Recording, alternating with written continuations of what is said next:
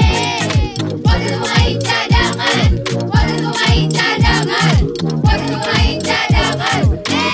Podcast Pemain Cadangan. Kalau bisa jadi pemain cadangan, kenapa harus jadi pemain inti? Jo, Kena delay. eh, lagi boarding. Ya, Oh, karena akhirnya- delaynya ternyata 30 menit. Jadi Oh. tadinya 12.50 berangkat, sekarang 13.10 ya berangkat. Jadi gue Oh. lagi naik ke pesawat. Oh naik ke pesawat ya udah deh kalau gitu ya. Ya udah. Ya udah lu aja nggak apa ya. Oke ya, Dogi, Siap, dah. bye. Nah, Ya cadanganers itulah pembicaraan gua dengan Augie yang ternyata memang Augie tidak bisa ada hadir di eh, studio.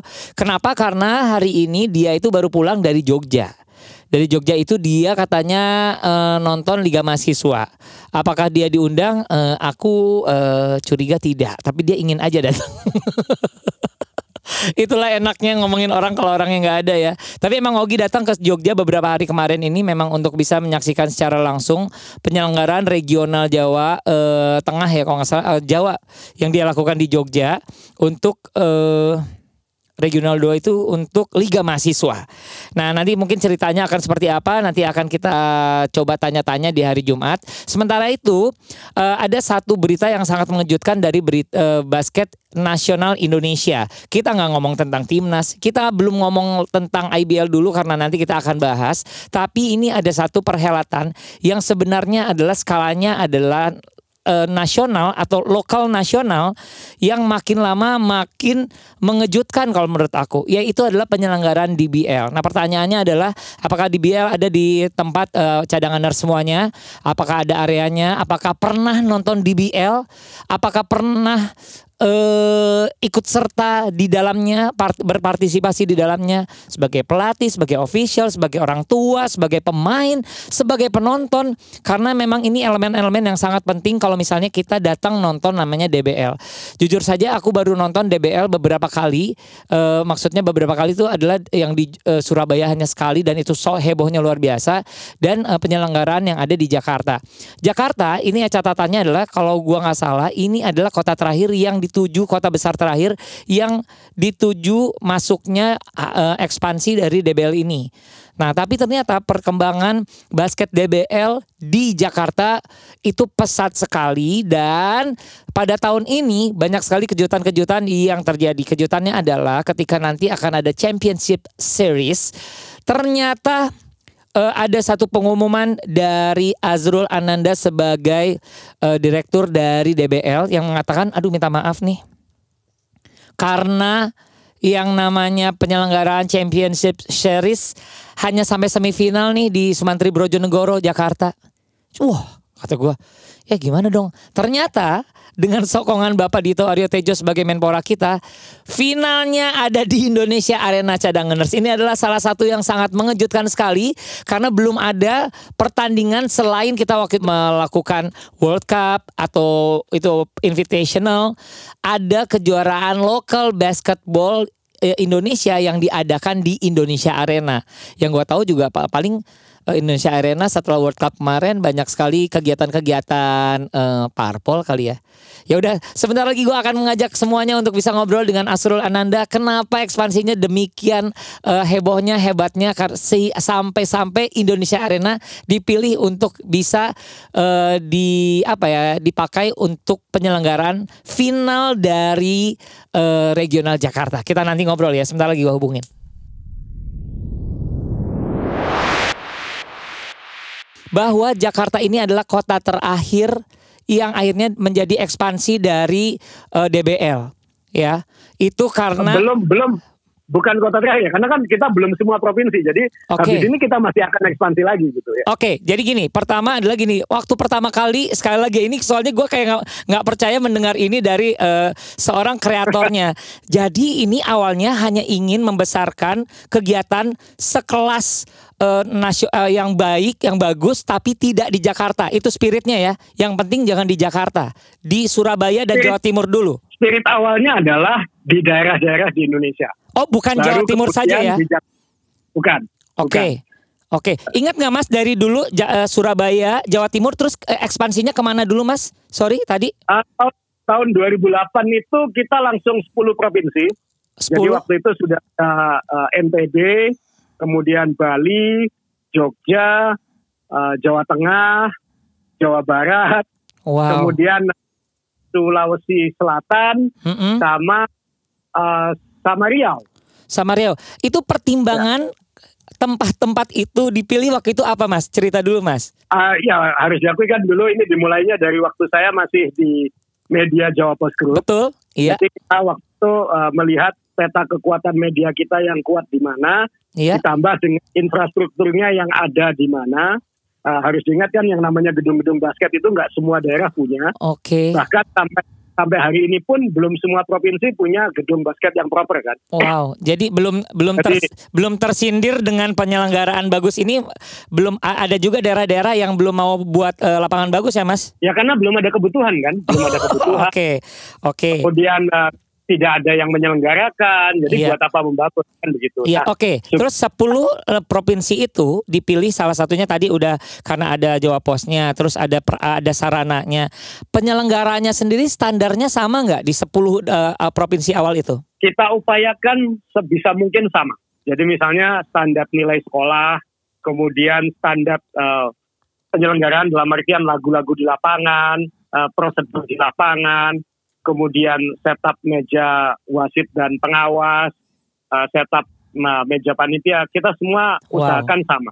Wow, sedetail itu. Itu yang dulu paling susah sih, bagaimana menerapkan satu standar di semua kota. Iya, betul. Kebayang sih karena ya kita tahu sendiri bahwa basket sendiri eh, ada tapi mungkin menjamurnya beda ya di tiap kota itu ya Mas ya. Betul. Nah, sebenarnya sudah dikenal, tapi memang belum populer ya. Kayak misalnya pada perjalanannya kan kita ekspansi lebih banyak lagi ya. Misalnya setelah Jakarta kita juga bikin di Kupang, misalnya kita bikin eh, kita bikin di Jayapura duluan sih sebelum Jakarta. Tapi kita ada di Kupang, ada di Aceh. Waktu pertama kali bikin di Aceh misalnya tahun 2010, Iya. itu kita menggunakan gedung bulu tangkis yang kita potong pagar besinya Astagfirullah. supaya supaya kita naruh eh, lapangan basket. Wow. Kemudian waktu di Kupang kita terima kasih juga karena waktu itu pemerintah eh, Nusa Tenggara Timur yang juga approve ke kita untuk menyelenggarakan DBL di sana. Iya. Jadi waktu itu di itu gedung semacam gedung serbaguna itu disulap jadi basket. Bahkan waktu itu belum ada perbasinya. Jadi Belum. jadi kita harus Belum ada Ah, perbasinya daerah sana. ya belum ada perbasinya. Jadi wasitnya harus dibawa dari Jawa. Ya Tuhan. Wow. Jadi waktu itu kita kita harus bekerja, tentunya harus kolaborasi dengan Perbasi ya untuk bagaimana mendirikan Perbasi di di Kupang di NTT.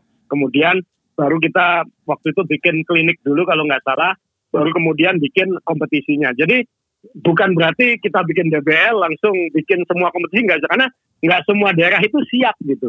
Ada yang Wow. belum punya gedung, ada yang belum punya Perbasi. Wow, ini yang kadang orang apalagi yang di Jawa nggak sadar bahwa perjuangan dari DBL itu seperti itu ya Mas ya sampai titik sekarang ya. Sekarang udah berapa kota Mas? Ah, sekarang kita ah, karena pandemi kita sempat terhenti, jadi kita sekarang masih di 30 kota di 22 provinsi. Wah itu udah banyak sih. Ya walaupun kita tahu provinsi kita lebih banyak lagi, tapi 22 provinsi sudah aktif menjalankan yang namanya DBL ini ya. Berarti Betul. itu juga lah yang namanya persebaran dari eh, apa ya pem- memasyarakatkan basket dan dengan ada eh, turnamennya. Kadang kan eh, kalau nggak ada kegiatannya buat apa ya Mas ya? Betul. Dan bukan hanya itu kan ada linknya juga bahwa nanti anak-anak di daerah-daerah tersebut juga bisa terpilih ikut camp ah, yang kemarin di Jakarta, kemudian punya kesempatan untuk terpilih ikut DBL All Star yang bisa ke Amerika. Jadi ah, bukan sekedar ada panggungnya, tapi juga ada ah, pathway-nya, ada jalannya menuju kalau memang ingin lebih baik begitu. Iya. Jadi dan- Mm-mm. Jadi cadanganers mungkin udah tahu bahwa sebenarnya DBL ini berkembangnya tidak main-main dalam arti kata mereka juga mereward para pemain yang dianggap berpotensi untuk bisa masuk yang namanya All Star di mana tapi sebelumnya ada campnya terlebih dahulu. Nah ini eh, dari dari catatan Mas udah berapa kali buat camp ya Mas ya atau udah berbelas ber- udah berapa kali ya sorry sejak 2008. sejak 2008 udah buat camp All Star. Ya waktu itu belum camp All Star, waktu itu NBA Development Camp ya. Oke. Waktu itu sama ah, event NBA pertama di Indonesia. Mm-mm. Uh, kemudian 2009 uh, kita lebih waktu itu kita masih mengambil wak- perwakilan dari uh, tiap uh, tiap daerah sudah kita pilihi, Oke. tapi waktu itu belum kita masih ke Australia. Iya. Uh, 2009 juga ke Australia lagi. Baru 2010 itu kita ke Amerika. Wow, wow, oke. Nah ini kan sebenarnya program ini sangat luar biasa ya Mas ya. Eh, tapi gini, kenapa memilih Australia dan Amerika? Wah, awalnya sih begini, karena sekali lagi kita kita boleh bermimpi, tapi mimpi itu harus harus Dikejar ya? dijangkau. ya, jangan sampai terlalu muluk sehingga uh, akhirnya itu hanya mimpi yang jadi angan-angan selamanya gitu. Tapi Iya. waktu kita memaksimalkan apa yang bisa kita dapat saja sebenarnya. Jadi Iya. misalnya uh, karena kebetulan uh, provinsi Jawa Timur itu ada kolaborasi sister province dengan Western Australia. Oke. Jadi kita memanfaatkan hubungan tersebut untuk membuka channel basket di di Australia Barat Oke. yang akhirnya kita ketemu dengan Fred Wildcats dan Andrew Flahoff yang Yes. sekarang di konsultan utama kita. Iya. Jadi sebenarnya itu kita kita ini sebenarnya opportunity-nya ada di mana-mana. Iya. Ada yang langsung besar, ada yang kita harus bangun bertahap. Jadi ya waktu itu kita lihat mana yang memungkinkan buat kita kolaborasi, ya kita lakukan dulu. Karena saya yakin kalau kita kolaborasi itu sekecil apa pun kolaborasi itu, kalau itu baik, itu akan berlanjut jadi lebih baik, gitu. jadi Iya. lebih besar, jadi lebih jauh, networkingnya jadi lebih luas. Iya. Jadi ya waktu itu sebenarnya kenapa ke Australia dulu ya karena network yang paling dekat waktu itu adalah itu kita belum kenal orang NBA gitu. Tapi karena karena kejadian itu kita Iya. jadi kenal orang NBA, kita jadi uh, punya networking lebih luas. Yang networking itu kemudian kita kembangkan uh, menjadi seperti sekarang. Oke, Mas Asrul, ini udah tahun kesekian dan akhirnya kita sekarang ngobrol sedikit tentang Jakarta. Jakarta ini dibilang em, satu kota ini eh, ibu kota yang akhirnya mendapatkan kesempatan punya DBL atau DBL masuk di dalamnya. Ini perkembangannya boleh cerita nggak Mas di, dari tahun pertama ada di Jakarta tahun 2012 ya Mas ya rasanya? ya? Betul. Uh, mungkin mungkin Mas Ujo juga paham ya teman-teman basket di Jakarta juga paham Iya. bahwa salah satu kesulitan menyelenggarakan event basket yang besar di Jakarta itu adalah venue. Betul. Uh, Iya. Walaupun itu ibu kota negara itu setara apa uh, provinsi, tapi kan gedung basketnya kecil-kecil, Betul? kemudian penyebarannya juga agak menyulitkan secara geografis. Iya. Uh, wilayahnya luas, orangnya banyak, tapi uh, mobilitasnya karena kepadatan dan lain-lain jadi lebih sulit, Iya. Sehingga tidak tidak tidak semudah itu dan sangat-sangat sangat-sangat tidak cost efektif untuk mengembangkan BBL seperti kita mengembangkan di Jawa Timur atau di provinsi lain. Oh jadi, Jadi ini harus- ada eh, apa ya? Ada cara tersendiri untuk bisa me- menyelenggarakan DBL di Jakarta ya Mas ya? Betul, kita nggak bisa langsung oh harus boom besar gitu karena akan terlalu costly dan belum tentu nanti impact-nya juga mengakar gitu. Jadi kita memutuskan kalau kita ingat pelajaran sejarah dulu kan perang gerilya ya. Jadi kita iya jadi, iya. jadi kita melakukan uh, pendekatan uh, zonasi-zonasi itu kita ke lebih supaya kita juga lebih uh, skala kedekatan dengan sekolah-sekolahnya juga lebih natural, tidak tidak instan. Jadi kita benar-benar membangun relationship dengan stakeholder di Jakarta itu benar-benar bertahap uh, dan kita lakukan dengan perbagian wilayah, kita selenggarakan di banyak wilayah secara bertahap. Baru kemudian uh, muncul championship series. Nah kalau di Jawa Timur kan sekarang gampang. Awalnya hanya perlu dua wilayah, sekarang jadi empat wilayah, lalu, lalu ada championship series. Iya. Jawa Tengah dua wilayah, Jawa Barat bisa empat wilayah. Tapi Jakarta ini kan walaupun secara wilayah tidak sebesar Jawa Timur dan Jawa Barat, tapi kan harus diselenggarakan dengan wilayah yang langsung banyak gitu kan. Ada Betul. Jakarta Timur, ada Barat. Jakarta Utara. Iya. Jadi itu kita harus memastikan per wilayah itu juga baik. Sekarang aja jujur belum belum 100% ya. Kita masih belum benar-benar eh, mengakar betul. Nah, kita sedang menuju ke sana. Eh, apalagi kita tersendat dengan pandemi kemarin. Iya. Eh, jadi semoga nanti setelah tahun ini akan bisa lebih mengakar lagi sehingga tahun depan eh, ketika DBL nanti kembali lagi tahun depan itu bisa benar-benar dari akarnya itu sudah lebih besar lagi sehingga nanti ketika mendorong ke championship series itu jadi lebih bergaung lagi. Tapi kita bersyukur teman-teman di DBL ini uh, pekerja keras semua. Iya. Jadi kita bisa benar-benar uh, mendekatkan diri ke semua peserta kita dan akhirnya terjadilah yang tahun ini dan harus diakui bahwa Honda DBL with Kopi Good Day di Jakarta tahun ini adalah series yang pertumbuhannya paling spektakuler. Wow, serius Mas. Ini ini ada per- Serius. Oh ya, ada bisa dibagi nggak ada eh, ininya nggak? Eh Ah. angkanya. Yang paling gampang buat saya adalah gini, banyak teman-teman angkatan saya, angkatan kita ini kan Iya. anak-anak main di DBL. Yes, betul. Jadi makin banyak yang gangguin gitu. gangguin Nanya-nanya ya. gangguin itu gangguin itu gimana caranya supaya anak saya kepilih padahal itu kan wewenang sekolah. Iya, betul. Bagaimana ca- bagaimana caranya supaya dapat tiket? Bagaimana itu sudah mulai sudah mulai terasa itu dari Jakarta gitu. Tandanya kan ini oh ini berarti sudah menjadi eh, orang tua sudah menjadi apa ya? eh, kebanggaan gitu kalau anaknya tampil atau ikut di di DBL. Gila sih, tapi ini cadanganers bagi cadanganers yang berada di luar Jakarta, jadi per- perlu gua kasih tahu bahwa sebenarnya kalau misalnya gua sebenarnya adalah salah satu saksi karena gua juga termasuk quote unquote orang tua yang datang di eh, DBL Jakarta Selatan. Itu rebutan tiketnya luar biasa. Mana ada gua sampai kaget ya eh, cadanganers DBL satu eh, liga eh, pelajar sold out Gila sih mas, ini sih mas, ini ceritanya gimana nih mas kayak gini mas?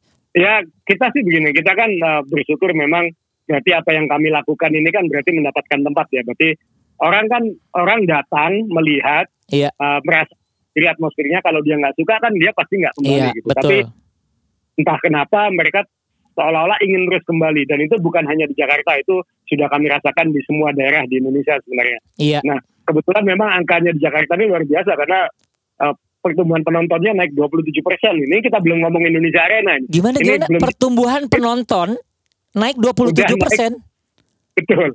Wow, itu wah itu buat, sadis. buat tim kami buat tim kami juga wah ini uh, kita semua bersyukur berarti kan kita karena paling sulit meyakinkan Jakarta pasti kan Iya betul. bahwa apa yang lakukan ini tujuannya at the end of the day adalah untuk anak-anak Indonesia juga Betul. yang kita bersyukur walaupun dengan cara komersial dengan cara itu tapi tujuan akhirnya kan idealisnya jelas di DBL ini Iya.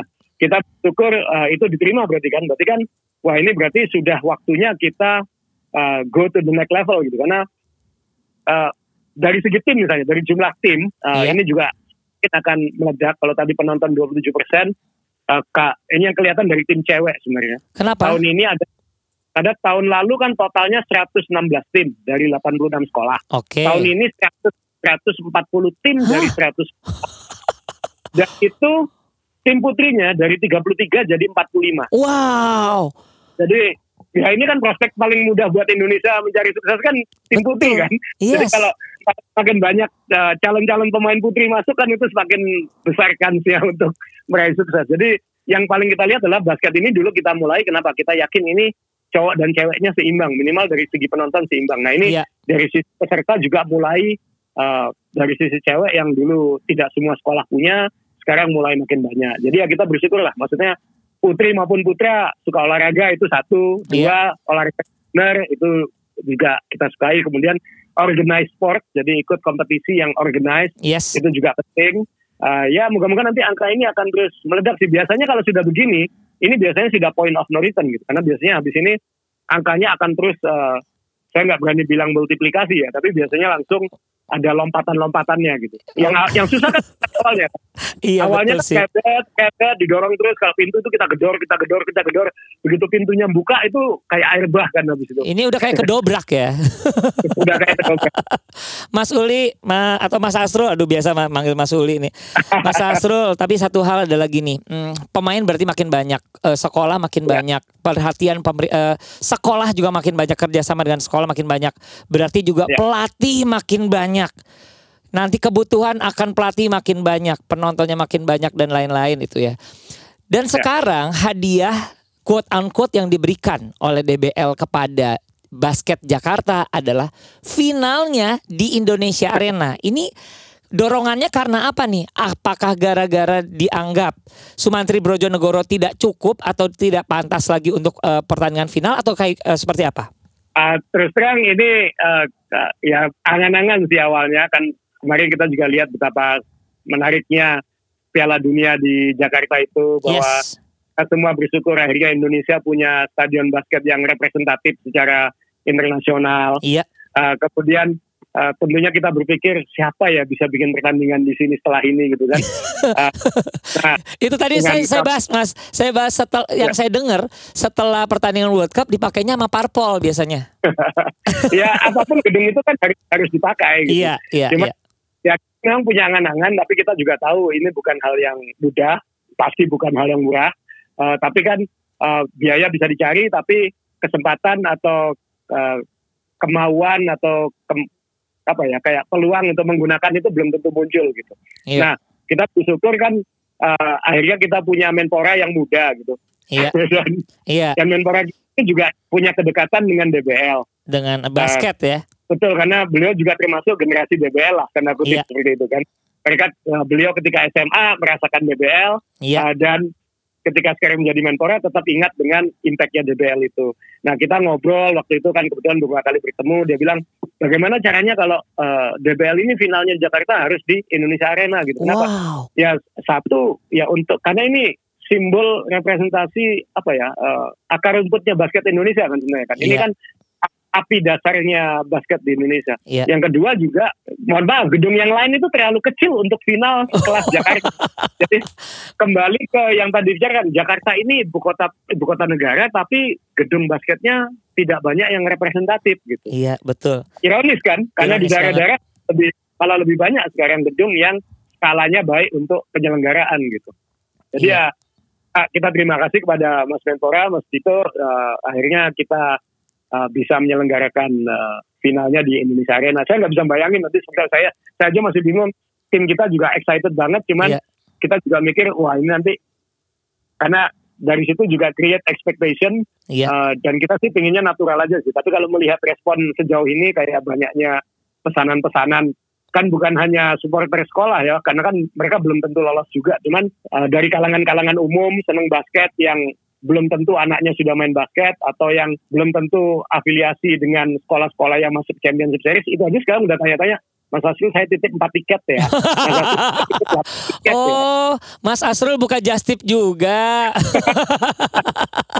Maksudnya dari situ aja saya nangkep iya. wow ini ini berarti kan memang uh, Wow. ada ada ada demand gitu ada ada rasa penasaran ada rasa uh, aku pingin aku dapat ada yang bilang aku udah lihat uh, final DBL di DBL Arena Iya. aku udah lihat DBL di Bali aku udah lihat Iya. final DBL di Jogja yang penontonnya sampai 6.000 7.000 orang itu Iya. tapi kan aku pengen lihat kalau di Jakarta di Indonesia Arena itu seperti apa nah ini Wow. jadi ini sebenarnya bukan sekedar ujian buat DBL, ini ujian buat Jakarta juga. Iya emang. Mas Asrul, tapi pertanyaannya adalah seperti ini berikutnya. Setelah insya Allah ini penyelenggaraan, yaitu adalah Championship Series ini akan di Sumantri Brojonegoro sampai semifinal, dan finalnya akan ada di Indonesia Arena. Berarti kan itu kayak apa ya? Ada eh, kayak memasang satu standar. Apakah ini nanti tahun depan akan seperti ini lagi? Um, kita nggak pengen mikir muluk-muluk dulu, kita jalani dulu tahun ini. tahun depan tahun sensitif bos. Uh, jadi jadi uh, scheduling adalah tantangan luar biasa untuk Betul. tahun depan. Tentu saja. Uh, Iya. uh, dan kita kita biasanya paling konsisten soal scheduling, tapi kita sekarang melihat tahun depan itu kita juga harus harus lebih matang ya memikirkan scheduling dan scheduling itu bisa jadi kendala juga mengingat uh, kawasan GBK kan pasti banyak dipakai dan lain-lain seperti itu. Iya. Uh, jadi kita kita nggak mau muluk-muluk dulu. Uh, insya Allah sih DBL kalau bikin sesuatu biasanya itu biasanya konsisten dan step up bukan step down. Wih. Jadi ya, kita- Moga-moga kalau memang tahun ini final di Indonesia Arena itu berjalan lancar, Iya. uh, heboh dan uh, responnya bagus ya, insya Allah kita upayakan lagi tahun depan. Asik. Kalau enggak ya mungkin kan kita tahu kan pertumbuhan Indonesia ini luar biasa sehingga ada gedung-gedung lain yang Amin. digunakan. Nah, pertanyaan lagi berikutnya. Eh, salah satu ciri khas ya ca- cadanganers dari eh, DBL ini adalah mereka membuat program juga yang namanya DBL All Star. Tapi biasanya DBL All Star itu eh, berpusat eh, campnya itu adalah di Surabaya. Apakah ini akan tetap dipertahankan atau bagaimana, Mas? Yang kemarin kan sudah di Jakarta.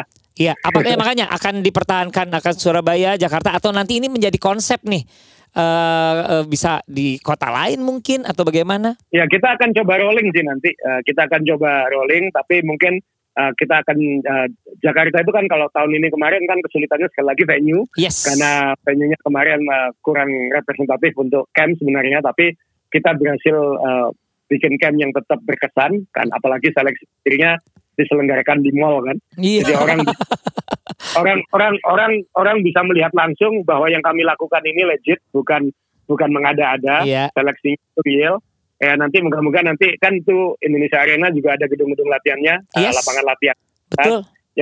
nanti bisa kita manfaatkan kalau enggak ya kita pikirkan nanti seperti apa Eh, banyak tempat yang seru juga misalnya kayak Bali juga bagus Jogja juga sangat eh, menarik atau mungkin eh, di tempat-tempat lain yang yang butuh eh, didorong eh, perkembangan basketnya kan kita tidak boleh menutup mata itu juga tapi mungkin fokus kita satu dua tahun ke depan mungkin ya eh, Jakarta atau Surabaya kayak gitu karena Oke. kalau Surabaya sebenarnya paling aman Iya. Uh, tapi Jakarta kita uh, kita akan lihat infrastrukturnya seperti apa.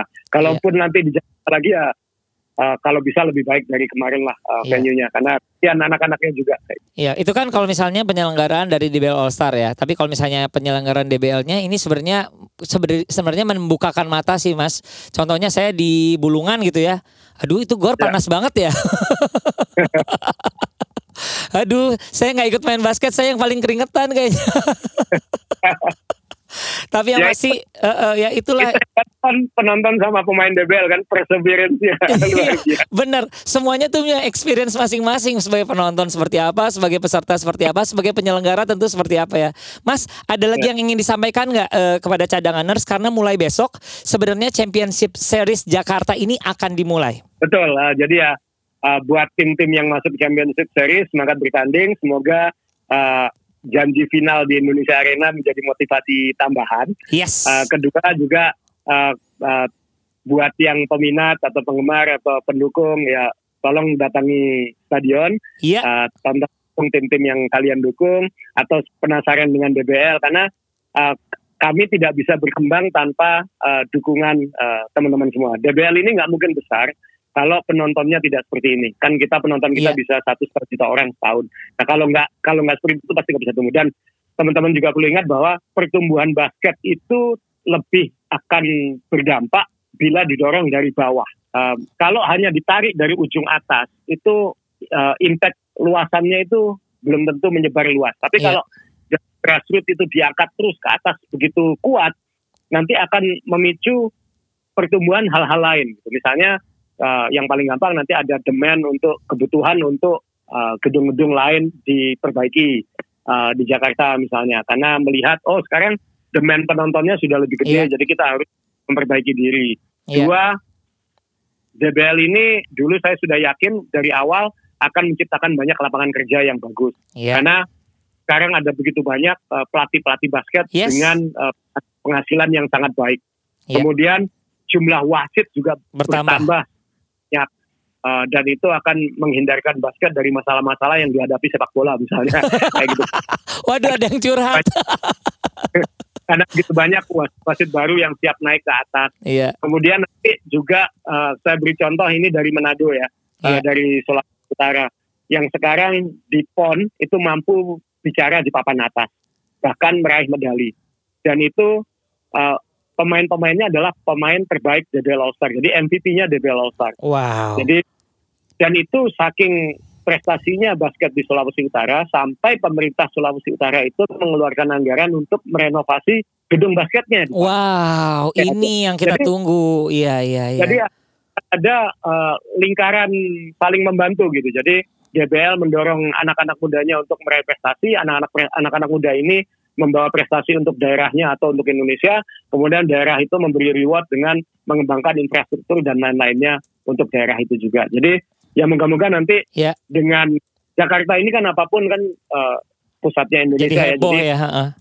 Betul. Jadi kalau nanti di Jakarta ini nanti uh, Championship Series atau uh, final di Indonesia Arena ini nanti benar-benar jadi sesuatu yang super heboh, itu impactnya akan luar biasa untuk anak-anak basket di seluruh Indonesia. Dan itu akan memudahkan kami nanti untuk mengembangkan lagi ke daerah-daerah yang sekarang belum ada DBL yang mungkin kalau kemarin nggak ada pandemi mungkin sudah ada tapi karena ada pandemi kita harus mundur Iya. selangkah dulu untuk dua langkah Iya. jadi uh, mohon supportnya Iya. uh, ini ini passion project ini ini ini uh, ada teman saya menyebut ini sebagai apa ya uh, social business ya bisnis tapi sosial. Sosial. Ah, jadi uh, uh, karena tujuan utamanya untuk uh, untuk untuk orang gitu, untuk orang banyak. Iya. Jadi ya moga-moga uh, teman-teman bisa memberi dukungan. uh, Iya. dan kalau di final Indonesia Arena kita ketemu di sana kita hebohkan Indonesia Arena kita tunjukkan bahwa Indonesia memang layak punya gedung basket bukan hanya untuk ketika ada Piala Dunia Iya. gitu aja. Jadi eh, sebenarnya penyelenggaraan DBL eh, Championship Jakarta ini eh, ngalah-ngalahin liga-liga lainnya ya Mas ya. Ah, saya nggak ngomong-ngomong kayak gitu. Pak. Timingnya aja kebetulan kita duluan Iya, finalnya saya kan. saya ngomong saya ngomong deh gitu. Kebetulan duluan memakai Indonesia Arena gitu kan. Iya hanya mau ngomong gitu sih. Nah, ini terakhir Mas pertanyaan paling jahil aja. Mas, gimana kesan Mas atau komentar Mas dengan anggapan bahwa anak-anak sekarang tujuannya paling tinggi adalah main di DBL abis itu udah sekolah aja. sedih ya. Eh, tapi kan eh, mohon maaf kan tujuan utama DBL kan adalah 99% pemain DBL tidak akan menjadi pemain profesional. Memang seperti Eh, itu ya. Kami, ya kami berharap pemain yang main di DBL itu nanti akan mendapatkan pelajaran bagaimana bersikap profesional yang itu nanti bisa dimanfaatkan untuk dunia berbagai hal, berbagai bidang. Tapi tidak terelakkan bahwa satu persen dari sekian puluh ribu itu kan masih ratusan. Sedang- Iya. Sedangkan pemain profesional di Indonesia itu hanya berapa? Iya. Kan tidak sampai 50 orang tiap Yep. tiap musim. Hmm. Sehingga pasti walaupun niatan kami 99% tidak menjadi pemain eh, pemain basket profesional, Profesional. tapi tapi mino- jumlah kecil yang nantinya muncul ke permukaan itu akan sangat mewarnai itu kami yakin. gitu. Jadi Oke, ke- lebih siap. kami ini karena terlalu mulu untuk bilang bahwa kami menyelenggarakan DBL untuk menemukan bibit-bibit berbakat pemain-pemain profesional itu terlalu klise lah. Tapi kami yakin kalau penyelenggaraannya ini rapi dan profesional, anak-anaknya mendapatkan manfaat dari situ, ini akan trickle up ya, akan naik ke atas. Sekarang aja misalnya gara-gara DBL banyak anak-anak ini gampang dapat beasiswa. Oh, oke. Bukan Iya. di Indonesia, bukan hanya di Indonesia, tapi juga di Amerika sekarang. Kayak gitu. Iya, iya. Oke, siap. Pasti pas- pasti endingnya akan jadi pemain eh, pemain basket eh, yang yang baik. Iya. Oh, Mas Ito, boleh izin nggak saya saya bagaimanapun harus mengucapkan terima kasih banyak-banyak ini karena Boleh eh, silakan. Jakarta Jakarta ini kan eh, apa ya kita harus bekerja keras untuk eh, mewujudkan bisa seperti ini. Jadi pasti sekali lagi saya terima kasih ke Mas Menpora, Mas Ito karena membuka opportunity untuk tampil di Indonesia. Nah nanti ketika final dari Jakarta, Nonton ya, terima Mas. kasih juga terima kasih juga kepada Ketua Pengprov DKI ya Mas Lexindo karena uh, mensupport uh, DBL di Jakarta Ya, Uh, juga Aksi. kepada ya juga kepada Kadispora DKI Jakarta Bapak Andri Yansa karena uh, apa pun harus kolaborasi lah harus Yap. kolaborasi Pak ini. Betul. terima kasih sampai ketemu nanti di Jakarta kita kalau nanti di Indonesia Arena benar-benar heboh berarti ya we know we make it Yeay, selamat terima kasih sekali lagi Mas Azrul Ananda untuk uh, obrolannya siang ini. Kita ketemu nanti di Indonesia Arena ya. ya sampai ketemu Mas Jo Dadah, thank you. Thank you Cadanganers, obrolan panjang itu eh, memang sangat seru banget sama Mas Asrul, nggak akan ada habisnya. Tapi yang pasti eh, itulah kita langsung tahu DBL itu seperti apa dari awalnya. Nah, ingin lihat kehebohannya seperti apa, langsung datang ke Sumantri Brojonegoro untuk Championship Series sampai semifinal dan nanti finalnya di Indonesia Pemain cadangan. Kalau bisa jadi pemain cadangan, kenapa harus jadi pemain inti?